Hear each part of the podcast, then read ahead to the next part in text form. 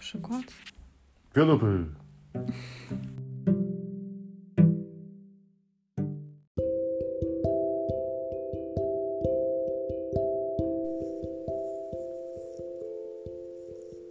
Doktor Michael Newton, Wędrówka dusz.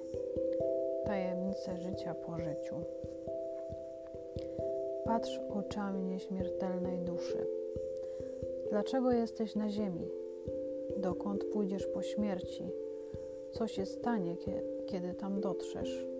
O poprzednich wcieleniach napisano wiele książek, ale niewiele o życiu naszych dusz w okresie między śmiercią w jednym ciele a narodzinami w innym, aż do momentu pojawienia się tej budzącej niepokój i prowokacyjnej książki.